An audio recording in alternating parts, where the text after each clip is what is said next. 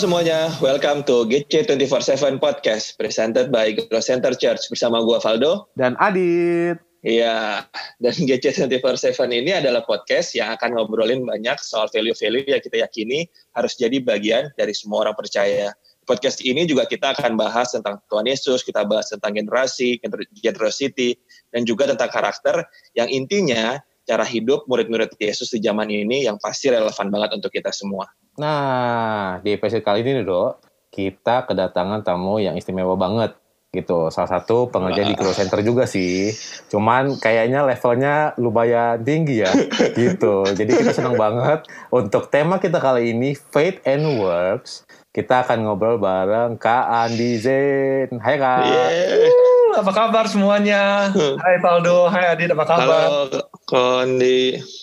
Luar biasa. Sehat nggak? Nah, begitulah dari pagi Begitu sampai ya. sore sampai malam nih uh, kita work from home kan. Jadi iya. harus ngomong terus agak serak gitu. Tuh, ini udah ketahuan, udah kedengeran ya buat pendengar podcast kita.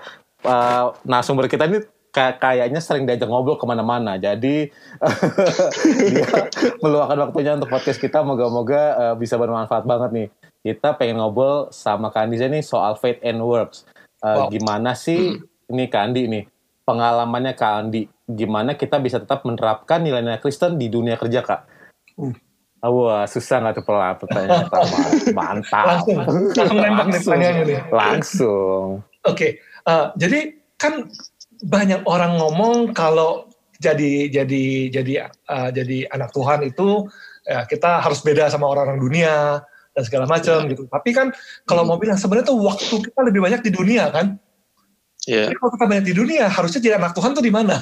Ya di dunia mm, dong. Mm, mm. Ya, jadi makanya that's why I say uh, faith and work itu nggak bisa dipisahkan. Your work is uh, perwakilan dari faith-nya kamu. Jadi kita Senin sampai Jumat kita kerja, Sabtu juga ada yang kerja. So your faith itu ya ditunjukkan pada saat kita kerja, bukan hanya Sabtu Minggu saat kita di gereja kita jadi orang Kristen, tapi hari-hari biasa hari kerja kita jadi manusia yang ya udah ikut-ikut sama yang lain gitu. So faith is very important terutama ini kan kita ini podcast Kristen ya, jadi langsung kita yeah. nembak ke ayat juga boleh kan ya. Yeah. Uh, kalau kita bilang kan the, the apa uh, perintah Tuhan yang terutama tuh apa kan? Kasihlah aku Tuhan alamu dengan apa? Ya segenap hati, jiwa, kekuatanmu.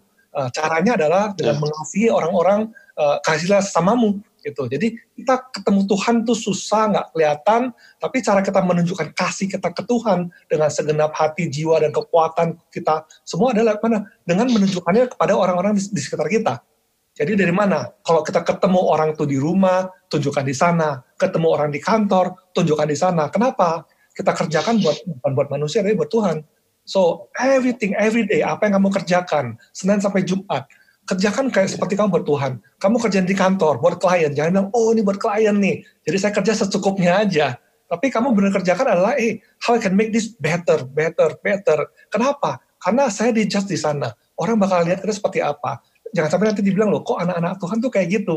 Kerjanya pas-pasan, asal-asalan, suka ngabur mulu gitu ya. No, uh, sama pentingnya apa yang kamu kerjakan di jam kerja, di hari kerja, dengan apa yang kamu kerjakan di hari Minggu So ya, yeah, your faith itu paling penting dilihat bukan di gereja tapi adalah di tempat kerja kamu. Itu mungkin ya kalau kita mau ngomong.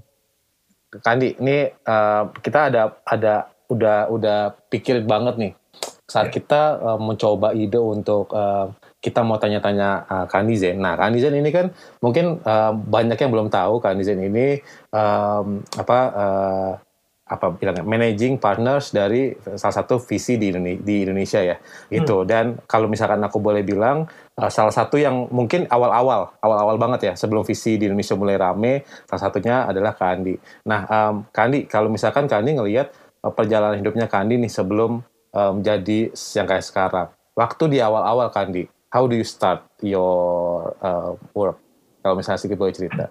Ya uh, jadi kalau kita ngomong hubungannya work sama faith ya. Dulu yeah. kan waktu kita masih kecil, ya udah kita sekolah, lulus, pengen kerja, kerja yang bagus, bikin orang tua bangga.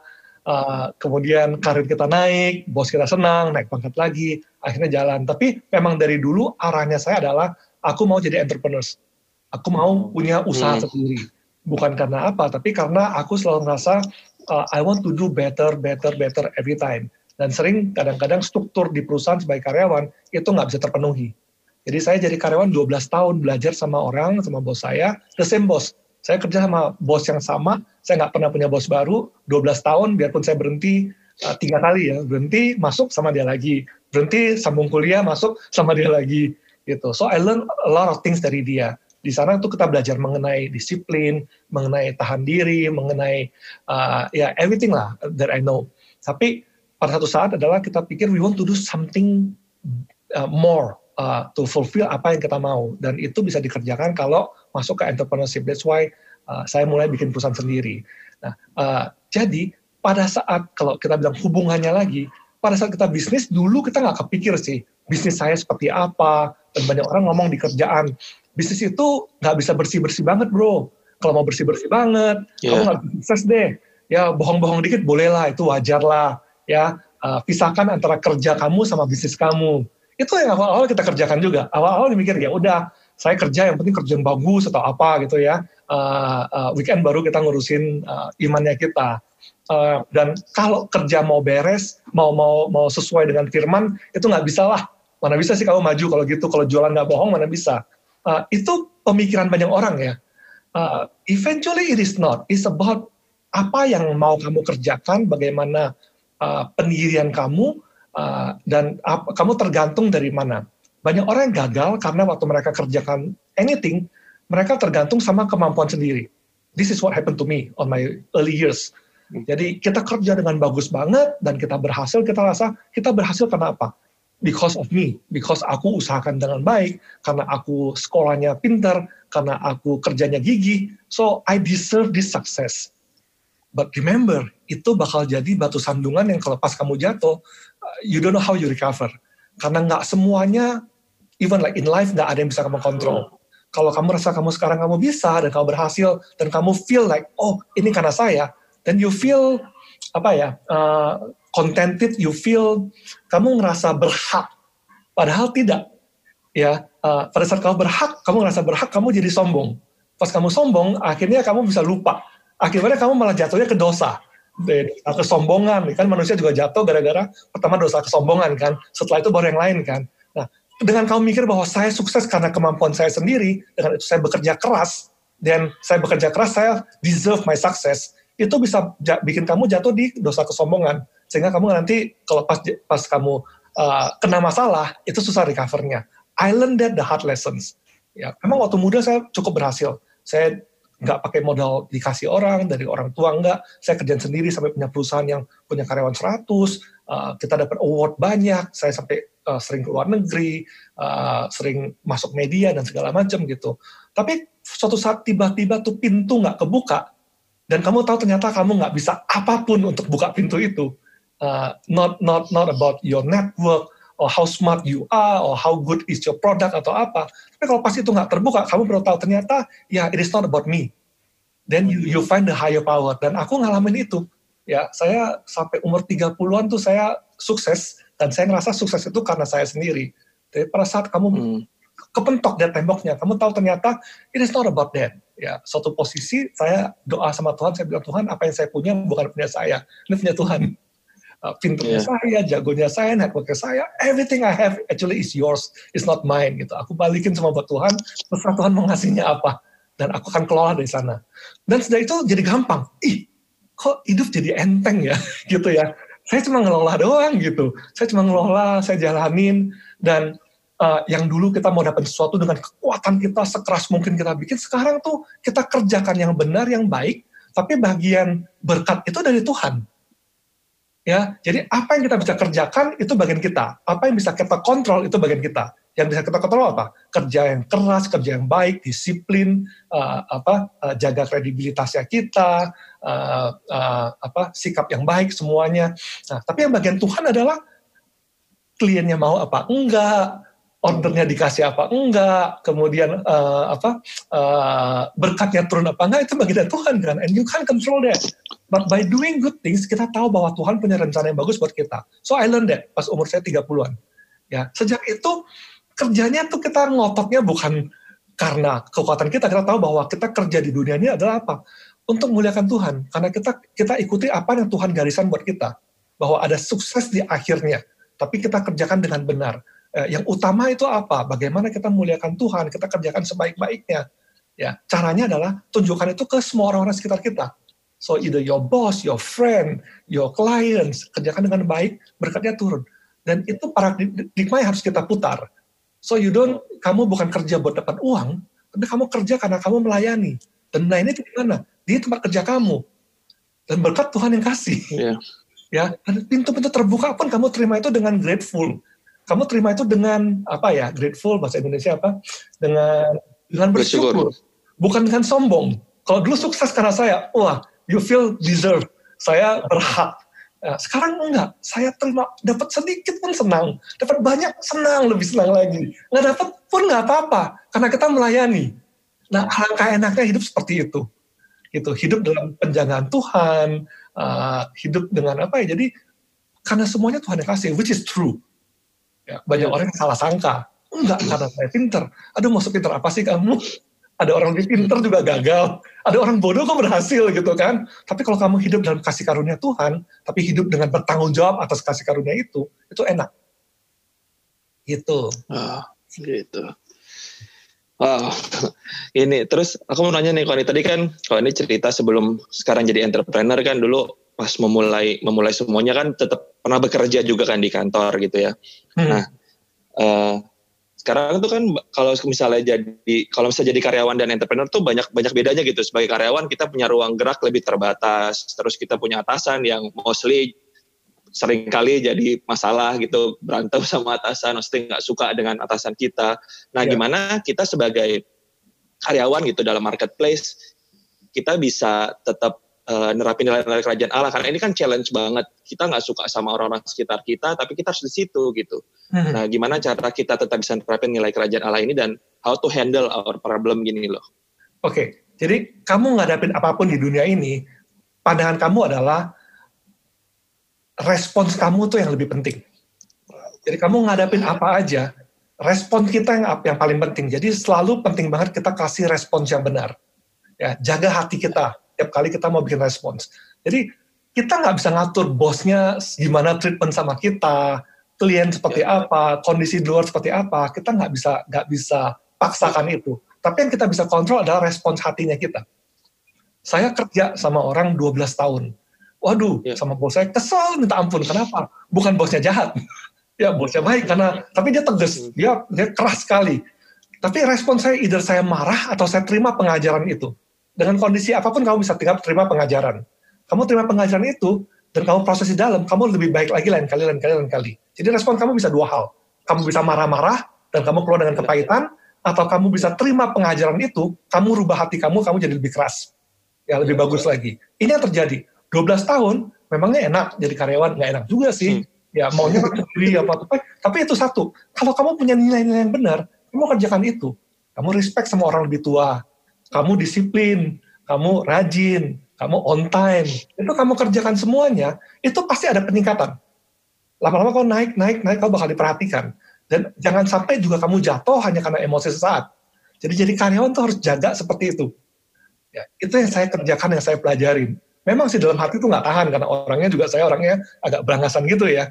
Ya, tapi I can go through these 12 years setelah 12 tahun aku keluar saya bikin usaha. Usaha itu berhasil. Kenapa? Karena aku udah ngerjain itu semuanya. Ada temen yang dari lulus SMA pas lagi kuliah udah bikin bisnis, bikin bubar, bikin bubar, bikin bubar. Uh, akhirnya setelah 12 tahun ketemu saya, oh kamu bikin apa? Saya bikin ini. Oh, enak ya, ternyata kamu belajarnya lebih terstruktur ya saya belajarnya harus sampai potang panting, bangkrut berkali-kali gitu. So, nggak bilang mana yang benar, mana yang salah, tinggal jalur apa yang mau kamu ambil. Kalau saya, saya lebih struktur, jadi saya belajar ikut bos yang baik. Sehingga saya bisa belajar apa yang perlu aku pelajarin. Ya. Yeah. Kalau ada yang langsung jadi pengusaha dari kecil, boleh. Tapi bolak-balik, kamu gagal, salah, belajar, bikin lebih bagus lagi. Nah, tapi penting banget kalau pas masih muda, cari bos yang baik yang bisa kamu pelajarin. Dan juga kalau kerja di mana pun, bikin apa pun, make sure bahwa kamu ada peningkatan. Kalau kamu kerja misalnya 10 tahun sama aja posisinya, gajinya, bidangnya, uh, something is wrong. Kamu harus belajar bagaimana atau orang ngomong gimana kamu bisa pindah supaya bisa ningkat. Jadi selalu ada peningkatan. Waduh, bagus banget kan, Di. Jadi buat semua yang lagi struggle bertemu bos-bos, kuat-kuatin hati ya, gitu kira-kira ya. Benar. Kamu cuma bisa kontrol hati kamu, kamu nggak bisa kontrol bos. Iya. Ya, berarti ditelan aja semuanya, nikmatin. Nanti tahun ke-12 silakan resign. Kira-kira gitu kan.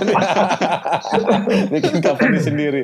Um, ya, kan ini, aku uh, apa ada satu hal yang menurut aku menarik banget yang yang yang mungkin ada di kepala kita tapi mungkin kadang kita lupa gitu. Um, di Alkitab bilang di awal kan saat Tuhan menciptakan manusia, um, yang paling penting adalah salah satunya adalah take dominion gitu over the world gitu. Um, nah, menurut kalian gimana? Uh, pada saat kita ngomongin soal itu, konteks dalam konteks uh, mungkin faith um, kita take dominion, tapi uh, mungkin di banyak sisi kita juga ngelihat diri kita mungkin masih belum juga atau mungkin masih karyawan atau mungkin masih di awal fase bu baru buka bisnis kan di?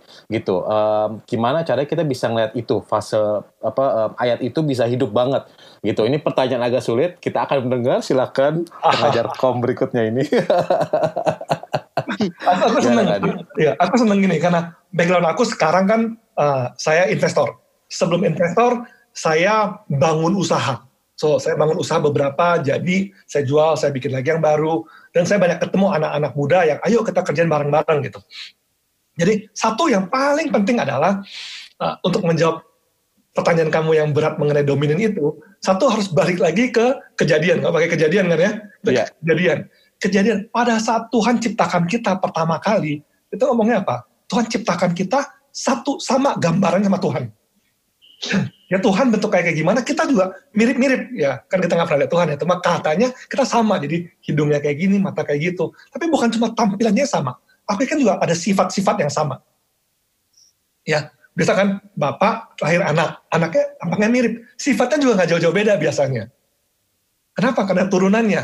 Yang bisa berubah kenapa? Kok jadi lain? Kenapa? Lingkungan lingkungannya nggak bener, anaknya jadi merokok lah, anaknya jadi ngapain lah, eh jadi beda sama bapaknya gitu. Tapi biasanya tuh sama karena traitsnya itu ada dikasih, DNA-nya itu turun. Kita juga kayak gitu kan, harusnya sama sama kayak Tuhan. Jadi Tuhan pas ciptakan kita, uh, selain uh, kita gambar sama Tuhan dan Tuhan bilang kan uh, apa uh, beranak cuculah dan kuasanya dunia, kita dikasih dominion.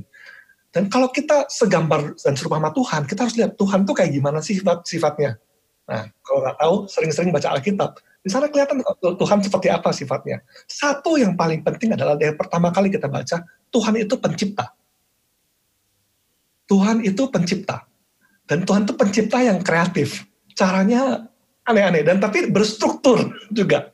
Ya, jadi dia ciptakan manusia nggak hari pertama. Kalau kita kan langsung, oh yang paling keren bikin dulu itu kan.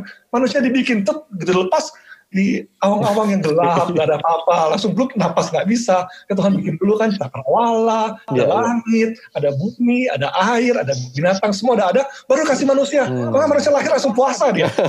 gitu kan. Kasian, udah puasa, puasa bukan cuma ya apa karantina dari rumah, itu iya. benar-benar tuh apa yang gue lihat bro gitu kan. Nah, tapi Tuhan tuh struktur dan dia mencipta gitu. Jadi itu jadi DNA kita harusnya juga seperti itu eh, sebagai manusia, kita keluar. Eh, kita harus bisa menciptakan apa? Ciptakan peluang, ciptakan kesempatan, ciptakan solusi. Itu tugasnya kita. Jadi kita nggak diciptakan. Uh, saya nggak bilang bahwa ini ini ini bahwa semua orang harus harus jadi ini atau apa ya. Tapi makanya saya bilang panggilannya kita adalah kita harus jadi entrepreneurs, harus bangun sesuatu, harus bikin sesuatu. Kalaupun kita kerja di kantor, itu juga jangan mentalnya mental uh, mental karyawan yang yang ya udah saya cuma kerja di saya hmm. datang jam 8 pulang jam 5 ya sudah gitu. Pengen saya cabut nggak peduli apa pun resikonya. Kita diciptakan itu adalah jadi pencipta. Nenek moyang kita zaman dulu itu nggak ada yang karyawan atau kerja di pabrik atau apa. Zaman dulu tuh nggak ada pabrik. Semuanya berburu semuanya nanam nangkep bikin ini bikin itu. Orang kreatif semua nih. Yeah, orang yeah, ya. kreatif. yeah Ya, tuh zaman berubah, akhirnya bikin pabrik. Udah kamu cuma kerja di pabrik aja, cuma gini tiap hari. Kerja kamu cuma apa stempel lah, cuma ngejahit lah, cuma hmm. motong lah. Hmm. Dia hmm. kerjakan hal yang berulang-ulang. Hmm. Padahal kita enggak. Nah, jadi saya bilang bahwa semua manusia itu harus ada kemampuan berkreasi, mikirin solusi apa aja. Hmm. Caranya bisa beda-beda. Ya, kalau kita bilang contoh Tuhan Yesus, Tuhan Yesus pada saat dia hidupnya lagi muter-muter tuh di mana di di Galilea, hmm. itu juga dia caranya aneh-aneh gitu kan. Dia ngajak murid bilang, ayo ikut jadi murid saya ngisi formulir. Enggak, dia masuk ke kapalnya, ayo kamu lemparin jaring, lihat hmm. seperti apa. Itu kreatif loh. Hmm. Ya, nyembuhin orang juga kadang-kadang di, di, dicolek, kadang-kadang di apa dipegang, hmm. kadang-kadang diludahin, kadang-kadang pakai apa, macam-macam caranya.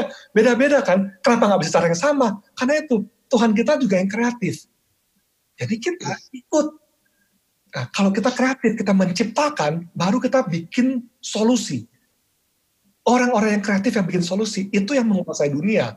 Bukan cuma orang yang pasrah yang ikutin uh, yang oh seperti apa pasif aja uh, ada apa ya sudah nyerah aja. Enggak. Kita harus jadi orang kreatif. Dan tugas kita menguasai dunia menguasai sumber daya dan untuk itu perlu ada inisiatif. That's why to be able to dominate uh, to have dominion you need to become a creator. You need to become a creative person untuk tahu bagaimana menggunakan resources itu Waduh. Wow. Udah bisa berkhotbah lah ini Kandi. bisa bisa jadi bahan khotbah ini. Bisa jadi bahan khotbah ini. Tapi gini Kandi, kan kalau kita ngomongin faith and works itu kan kayak ada dua hal yang kehidupan kita sekuler di marketplace dengan kehidupan spiritual kita. Nah, ya. sebenarnya kehidupan sekuler di marketplace dan kehidupan spiritual ini tuh uh, harus dipisahin atau atau bisa jadi satu sih? Karena kan uh, dua bapak kami juga Tuhan Yesus ngajarin jadilah di bumi seperti di surga. Ya. Apakah ini harus dipisahkan atau jadi satu sih? Iya, uh, itu kalau kamu mau pisahkan, kamu nggak penuhin perintah Tuhan yang terutama. Kasihlah Tuhan Allahmu dengan segenap kekuatan, dengan segenap ya. akal budimu. Segenap loh, segenap itu berapa persen kira-kira? 100 persen. Kalau kamu cuma bilang pas saya pelayanan di hari Minggu aja, itu sama berapa persen? Nggak nyampe. Iya. Ya, so 100%. Berarti the only way untuk kamu penuhin itu adalah kamu harus kerjakan tiap hari. Padahal kita tidur juga ya. Tidur juga harus kan harus ini kan, harus mengasihi Tuhan gitu. Uh, jadi jadi everyday yang kamu kerjakan apa aja tuh harus benar-benar melakukan apa yang yang menyenangkan Tuhan.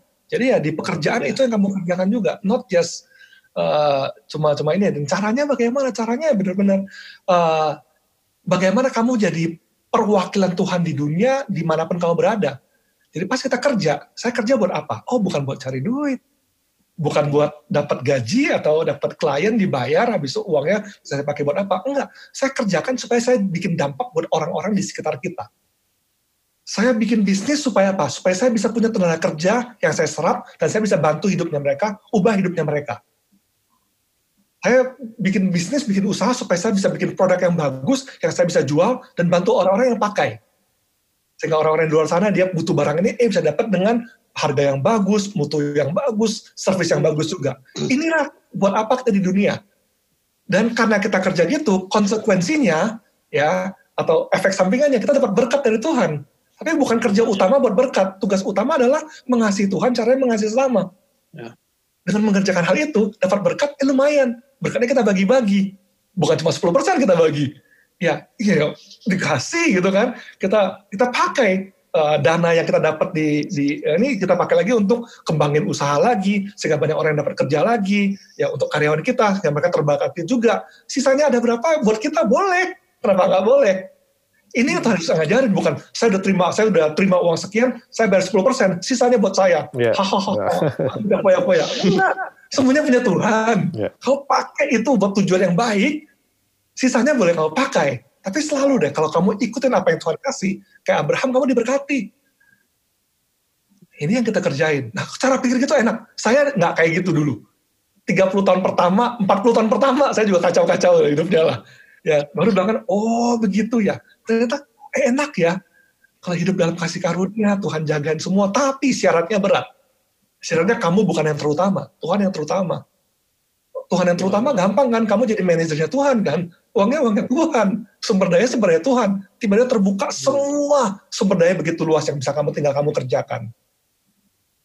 Itu. Wow. Wah, panjang kali lebar udah lengkap banget tuh, Dok. uh, Kandi, ini um, aku mau coba balik lagi nih, um, men-challenge karena kita sekali lagi selain tadi take dominion, pertanyaan berikutnya pasti tadi uh, apa yang tadi Valdo uh, tanya, dan akan berlanjut ke yang berikutnya terang dan garam dunia gitu kan di um, itu semua khotbah hari minggu selalu bilang that's our identity gitu. Ya, ya. Nah, um, uh, gimana perspektifnya Kak Andi soal itu? Gimana kita bisa terapin di mungkin di dunia kerja kita, baik kita sebagai karyawan atau mungkin sebagai entrepreneurs gitu ya, kan? Ya. Tadi kan udah ngomong ya bahwa tugasnya kita memang jadi perwakilan Tuhan di dunia dan memuliakan Tuhan, menyenangkan Tuhan, kerjanya adalah ya 100% berarti sehari-hari, bukan cuma weekend aja. Itu udah jelas. Ya, Dan ya. caranya banyak sih, bilang kan uh, jadi garam dunia, jadi apa semua. Tapi yang saya mau tekankan adalah yang di uh, di ayat Tuhan itu di apa Matius atau Markus ya yang uh, yang jadi garam dan terang dunia kan. Uh, itu itu yang lebih penting adalah akibatnya apa kalau kita nggak jadi itu.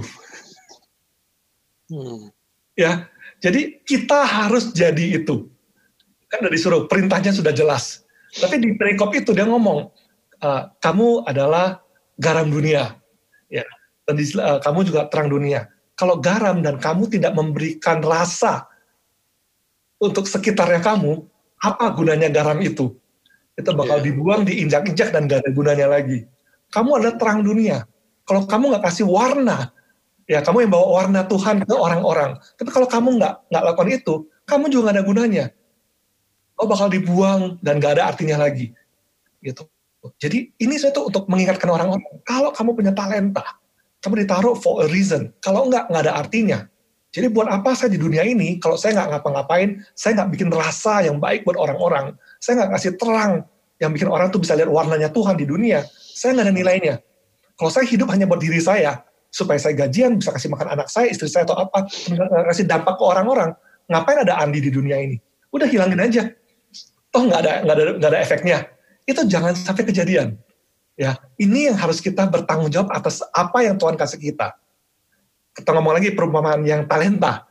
Ya, ingat ya, yang perumpamaan ya. ada bosnya mau pergi, anak buahnya ditinggal, nih saya kasih kamu satu talenta, ada yang dikasih dua, ada yang dikasih tiga, eh dikasih lima, sesuai dengan kemampuannya kita juga ukur.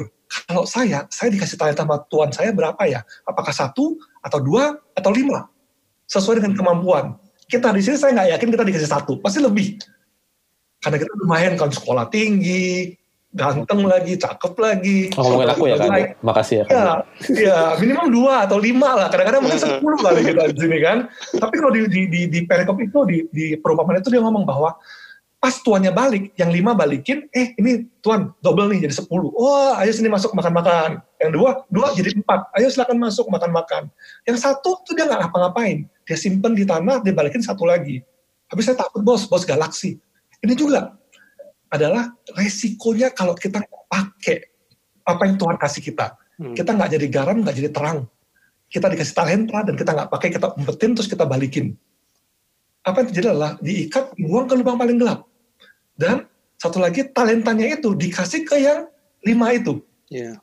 Jadi kamu bakal ningkatin talenta kamu kalau kamu pakai. Kalau kamu nggak pakai, itu yeah. bakal diambil. Dia bilang, kok saya hidupnya susah ya? Kayak dalam kegelapan mulu atau apa ya? Karena kamu punya talenta, kamu nggak pakai. Kamu umpetin. Jadi kalau kita punya talenta, pakai. Kita jago apa? Bikin podcast, pakai itu. Kita jago ngapain? Pakai itu, kerjakan itu gitu. Nggak pakai, itu bakal hilang. Tapi kalau dipakai, itu kan lipat ganda. Bahkan Tuhan kasih lagi talenta baru buat kamu. Jadi ya. caranya kita ningkat adalah seperti itu. Di kantor, jangan bilang, kalau gue nggak dibayar itu ngapain gue kerjain. Padahal kamu bisa. Pakai aja, kerjain aja. Kerjain terus gitu, tanpa pamrih. Kenapa? Karena karena berkatnya itu, kompensasinya itu mungkin bukan dari bos kamu. Mungkin dari Tuhan, mungkin dari dari, dari yang lain. Dengan makin kamu pakai, makin lipat ganda, makin ngerti kamu Mungkin bosnya bilang nggak naikin gaji terus-terusan gitu ya. Pas kamu berhenti, kamu pindah tempat lain, langsung kamu dihargai dengan tinggi. Bos yang lama cuma latihan aja gitu. Dites kamu setia nggak, kamu tahan banting nggak. Makanya dia tahu kamu orang yang lembek, nggak dikasih naik gaji. Biar kamu tuh tambah ini semangat gitu. Ya, so respons hati itu penting. Tapi pakai talenta kamu, dengan itu akan dilipat gandakan, kamu bakal dapat tempat yang lebih baik lagi. Wow. Uh, Selalu speechless nih kan ya. Uh, selalu speechless. Penuh banget ya. Iya. Siap-siap dong bikin bisnis. aku nanya lagi nih. aku tanya nih. Tadi kan kita udah bahas kuasa, udah bahas uh, terang. Nah terakhir yang aku mau tanya soal amanat agung. Oh, kan Yesus bilang, eh, kan Yesus bilang kan, jadikanlah semua bangsa muridku. Nah, ya. kita sebagai orang yang ada di marketplace, sebagai karyawan atau sebagai entrepreneur, apakah hmm. pemuritan itu bisa dilakukan di dalam marketplace? Dan ya. gimana caranya itu? Iya, oh gampang banget nih jawabnya nih. Oke, justru di marketplace, tugasnya kita itu lebih gampang buat rubah orang-orang. Wow. Ya, pergilah, jadikan semua bangsa muridku emang kita harus pergi. Tuh orang di marketplace ya emang keluar terus kan. Iya. Yeah. Bukan yang bilang, Tuhan bilang kita harus nginjilin orang. Eh siapa bilang? Tuhan bilang, pergilah, bawalah Alkitab, bacakan ke orang itu, bikin dia ngerti atau hafal apa enggak. Enggak. Pergilah jadikan mereka muridku gitu. Apa yang kita kerjakan? Di marketplace, kita niru apa yang Tuhan kerjakan. Tuhan sentuh dulu hidup orang, baru Tuhan bawa mereka. Ya. Kalau kita nggak nyentuh hidup orang, langsung kita tarik. Siapa yang mau ikut kamu? Jadi apa yang kita kerjakan adalah di marketplace kita punya kuasa itu, kita punya resource itu untuk menyentuh hidup orang-orang. Pas kita kerja, orang bisa lihat, ih si Valdo ini kerjanya bagus loh, oh Adit ini kerjanya juga keren loh. Oh kok bisa kayak gitu ya orangnya, orangnya ramah, baik ya atau apa ya. Jadi kamu kamu sentuh hidup orang dengan itu. Dengan cara kamu nggak usah bikin apa-apa, cuma just by being you. Itu satu. Ya kalau di gereja mah semua juga udah tahu Tuhan kan di luar, yeah. kamu boleh sentuh hidupnya orang seperti itu. Dan kedua, dengan actionnya kamu. Kamu bantu mereka, kamu buka pikiran mereka. Gak usah ngomongin, oh mari kita buka Yohanes ini gitu kan. Gak usah ngomong. Tapi tunjukkan hidupnya kita. Itu yang paling gampang. Tapi dengan kamu bertambah kapasitas kamu, kamu tambah kapasitas kamu, berarti kamu makin tinggi, makin tinggi, talenta makin tinggi. Orang makin lihat kamu.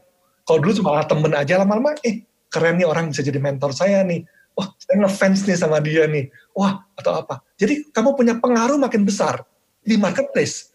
Sehingga orang kalau kamu ngomong dulu orang cuma setengah percaya atau nggak percaya, sekarang percaya. Lebih tinggi lagi, kamu ngomong orang jadi pengen. Nah, this how you impact people. Apalagi kalau kamu jadi pengusaha, kamu punya karyawan, kamu bisa hidupin mereka, uh, makannya kamu jamin, kemudian kamu bisa uh, tunjukin contoh-contoh yang baik semuanya. Itulah kamu muliakan Tuhan di sana. Ya, kamu berkati hidupnya ya. mereka, kasih makan, kasih gaji, kasih apa semuanya. Itu yang kamu kerjakan kan. Nah, eventually, kalaupun dia nggak kamu injilin, gitu dia dengar sesuatu, dia bisa kena. Nah, ya. ini yang bakal terjadi. Ini harus makin banyak kita kerjakan di luar sana. Kalau zaman dulu juga kita bilang kan, banyak tuh misionaris tuh datang dari Belanda, dari Jerman ke Indonesia. Ya apa yang mereka kerjakan? Nggak langsung nginjilin. Dia buka sekolah, dia bikin pertanian, ngajar orang-orang semuanya, sehingga hidupnya enak semuanya. Akhirnya mereka ikut dengan sukarela. Kenapa? Karena lihat contohnya. Tapi kalau kamu datang hanya menghakimi, waduh, kamu murtad, kamu apa, kamu apa gitu. Nah, ada yang mau ikut kamu kan? So, di marketplace lah itu tempat kita yang terbaik untuk tunjukin terangnya Tuhan. Untuk tunjukin rasanya Tuhan seperti apa. Yang tunjukin siapa ya? Kita Ya, dan makin tinggi posisi kamu, makin berwibawa suara kamu, makin didengar pendapat kamu, sehingga makin efektif kamu. Jadi tugasnya kita adalah apa? To become better and better. Spirit of excellence. Jadi kita mau kerja lebih baik lagi. Sehingga apa orang lihat, keren nih orang. Kalau kita kerja jelek, ngomong apa juga orang nggak denger. Malah iya kayak gitu orang Kristen. Parah banget nih. Kerjanya nggak bener, pulang cepet. ya Itu malah malah jadi jelek. Kita harus tunjukin excellence kita di dunia. Jadi amanat agung terjadi karena itu dan jauh lebih luar biasa daripada kalau kita cuma di gereja aja. Gitu Valdo. Waduh. Um, iya nih, uh, kalau sama kalian ini selalu nggak bisa sebentar nih harusnya ya. Mungkin nanti kita uh, akan undang lagi Kandi. Jadi uh, sayang banget waktunya nggak gitu banyak. Cuman boleh nggak Kandi um, sebagai kata-kata penutup uh, banyak dari banyak uh, dari mungkin teman-teman yang masih baru yang belum mengerti soal dunia kerja gitu mungkin ada beberapa yang mungkin masih belum kebayang um, gimana sih kita harus tadi um, take dominion um, terang dan garam bahkan sampai tadi melakukan pemuritan gitu. Um, tapi sebelum sampai bahkan sampai ke ujung itu um, kita belum punya bayangan uh, apa yang harus kita lakukan langkah pertamanya. Boleh nggak Kadi um, sebagai yang dituakan di antara kita semua itu kasih kata-kata ujangan mungkin sedikit sebagai penutup untuk kata-kata pembangunan. Iya kata-kata pembangunan gitu kan jadi mungkin aku mulai dari apa yang saya salah kaprah selama ini ya bahwa uh, jangan ngerasa kamu berhak atas apa pun yang kamu dapatkan di dunia. Biarpun itu memang kamu yang kerjakan. Karena itu adalah uh, awal dari kejatuhan. Gimana pun seperti itu. Jadi yang kamu harus lihat adalah kamu dapatin apa pun terima dan ambil itu dengan hati bersyukur jadi sikap hati itu penting. Sikap hati itu penting sehingga kalau dengan hati bersyukur, apa yang kamu kerjakan, kamu pengen repay every time, bayar balik. Ya, so kata yang saya mau sharing adalah apa yang kamu punya, bagi, share. Itu yang paling penting. Ya, tetap berbagi. Bagi apa? Talenta kamu, waktu kamu, perhatian kamu buat orang-orang di sekitar. Kenapa kamu bagi itu? Kenapa? Karena it is not yours. Karena kamu bersyukur kamu masih dapat kesempatan itu. Dan kamu kerjakan itu, efek bola saljunya apa?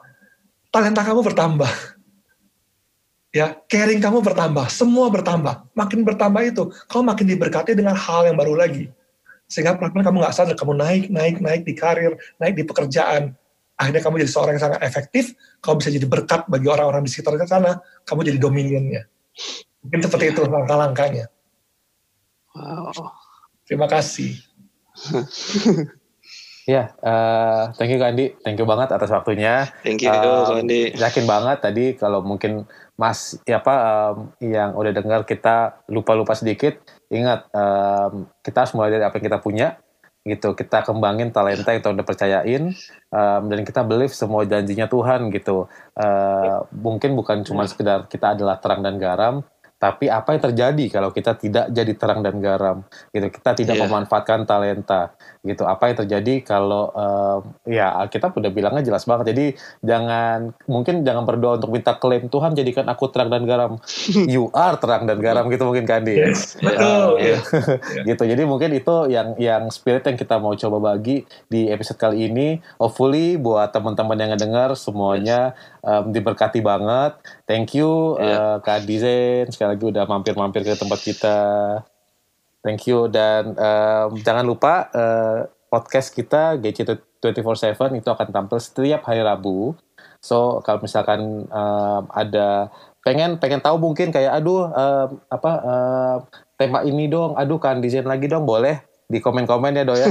gitu jadi kita bisa tahu yeah, nih boleh ada apa komen. aja gitu. Mungkin uh, gitu aja. Untuk sesi kali ini thank you semua udah dengerin. Thank you. Uh, thank you Kandi. Thank you semua. Dah